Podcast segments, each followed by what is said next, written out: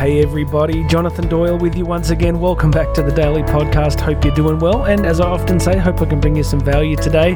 Hope I can give you that one little little push, a little bump along the way. We all need that daily sort of inspiration and encouragement. There's plenty of uh, there's plenty of darkness in the world, right? If you paid attention to that for too long, you would curl up in the corner and uh, refuse to play the game anymore. But we're not into that. We're into growth. We're into uh, pressing ahead and unleashing all the extraordinary capacity that lives inside each and every single one of us. If you're new to the podcast, please make sure you've subscribed. Hit that subscribe button. And my friend, if you are a regular listener, would you do me a favor? If you haven't done it already, go and hit. Uh, hit the podcast app, leave a review, leave a rating. It really does make a difference. It sort of pushes it up the algorithm, and the next thing you know, more people have got a chance to listen. Last thing in the housekeeping, of course, is go and check out the show notes. You can get a free access pass to my book, Bridging the Gap. You can uh, find out how to book me to speak live. It's all there in the show notes. If you want to find out more and get in touch with me personally, you can do that through the show notes. Friends, today we are going to be talking about something that's uh, really quite central to our human journey. And uh, I want to start it off with a quote, and then we're going to unpack it a little bit together because we're all going to get a little bit of inspiration from this. The quote comes from Confucius. You may have heard that name, the great philosopher of the Orient. Confucius, of course, uh, bringing us wisdom from uh, thousands of years ago. Listen to what he has to say here. Our greatest glory is not in never falling, but in rising every time we fall. One more time. Our greatest glory is not in never falling, but in rising every time we fall. This is another one of those things that tends to make its way into a kind of Pinterest, Instagram, Oprah Winfrey kind of platitude where we go, yes, yes, we must rise every time we fall. Yes, that's lovely, but uh, it feels sometimes these things, these profound statements can sort of wash over us, but I want to unpack it a little bit because it reminds me of a quote which I think is also attributed to St. Ambrose of Milan, who said that uh, a saint is not somebody who's perfect. A saint is basically somebody who falls 99 times and rises 100. So you can see that many of the great men and women of history have recognized that part of our human journey is this capacity to fall this capacity to make mistakes, to get things wrong. You know, as a culture, I think we've really forgotten that. I think we've gone down a path of a kind of utopianism.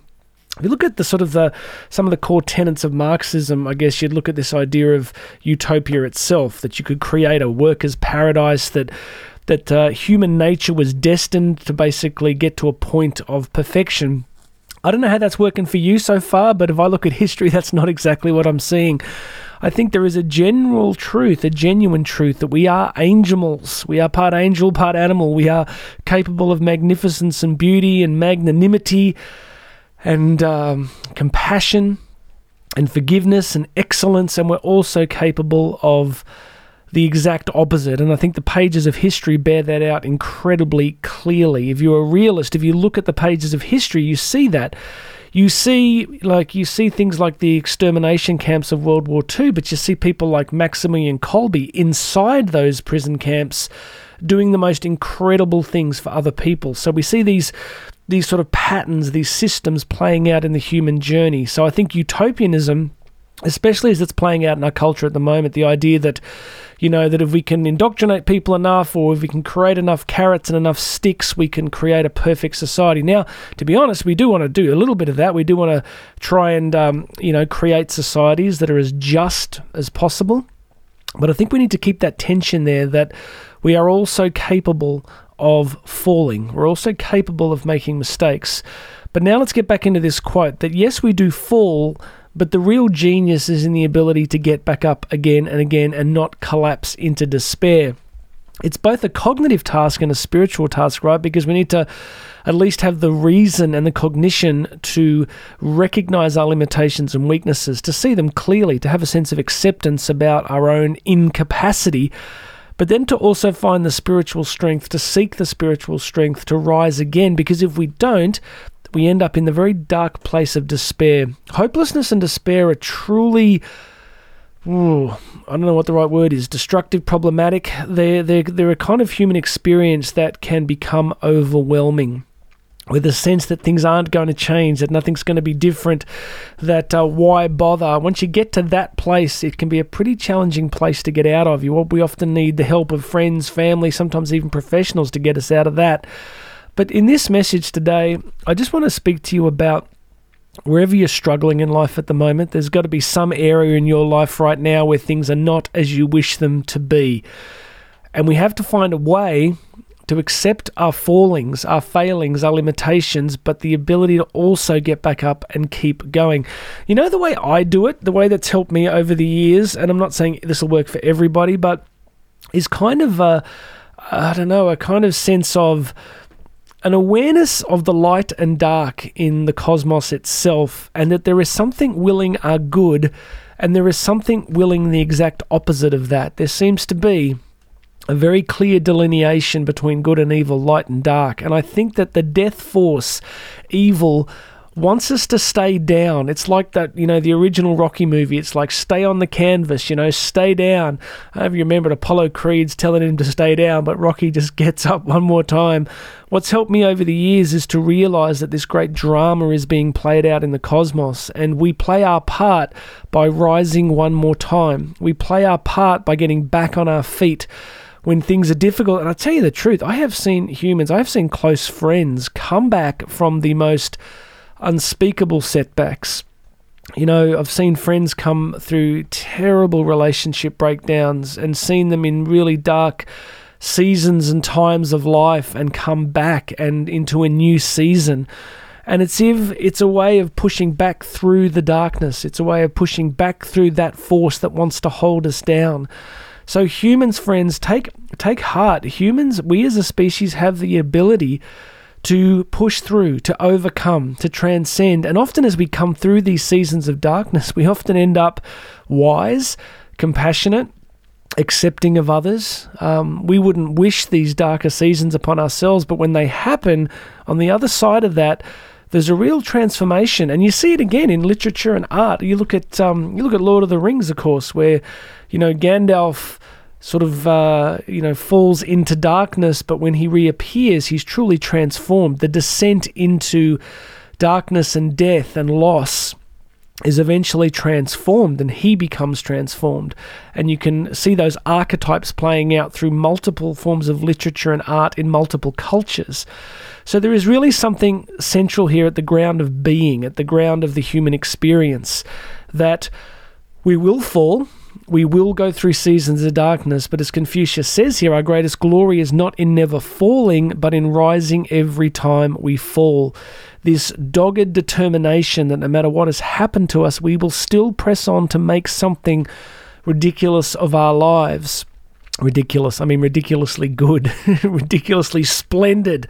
Everyone's going, Did you just call our lives ridiculous? No, I didn't. Ridiculously magnificent. Something that's the revenge. I often talk about revenge. You want to get revenge on every bad thing that's ever happened to you? Do it by rising one more time. Do it by becoming a better person than you were a year ago. Do it by not channeling the same dysfunctional patterns you may have grown up with. That's how you get revenge. That's how you rise one more time. You just keep going. You press on. You move again. So, friends, you want to be a saint? Then you have my permission. Not my. I don't want you to do this, but you know, you, you might fall 99 times, but all that matters is you get up the hundredth time. And as Confucius says, the glory is in rising in every time we fall, not the fact that we fall in the first place. So, can I make it concrete for you? Can I make it practical? There'll be some part of your life at the moment that might feel as if it's not working.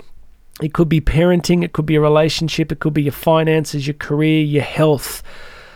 I just want to say to you one more time go one more time. Get up one more time. Try something different. Reach out for help. Read a different book. Find a podcast. Look at a video. Go for a walk. Read, you know, if it's professional help you need, get that. But just keep standing up. Keep getting your revenge on the darkness of the cosmos by refusing to bow to it, by refusing to be broken by it, by refusing to descend into despair and cynicism one more time. And you're sitting there going, Well, I've tried everything. You haven't tried everything. I haven't tried everything. And I can promise you, my friends, if we ever get to meet in person, we have the opportunity to talk about it. There have been I have had many, many challenges on my journey. Many, many challenges. Better or worse than others, I don't know. But I would honestly say that uh, there's been many seasons of life that have been very challenging. So the magic is in one more time. And there's grace, right? I believe that as much as there is darkness in the cosmos, there is great light, that God is with us that God wills our growth and our good, and there is spiritual power available to us all. We just need to decide which side we want to cooperate with and which side we want to let dominate our lives. So press on, my friends, rise one more time. Go and get the help you need. Take this look for a strategy, look for something. You never know when a book, a song, a person, a conversation is going to help you move forward to the next level. So God bless you everybody. I hope that's helpful to you, whatever season you're in. Please make sure you've subscribed. Um, if you if you've got a topic that you'd like me to cover, something where you're stuck in your own life, come and email me, Jonathan at jonathandoyle.co uh, jonathandoyle.co, uh, jonathan at jonathandoyle.co. So if I can help you with that, I'd love to do it. Go check out the show notes, uh, share this with some friends. Let's keep rising, let's keep walking, let's do another day, let's keep moving forward. The best is ahead, my friend. Your best is ahead, it is not behind. My name's Jonathan Doyle. This has been the Daily Podcast, and I'm going to talk again to you, with you, tomorrow.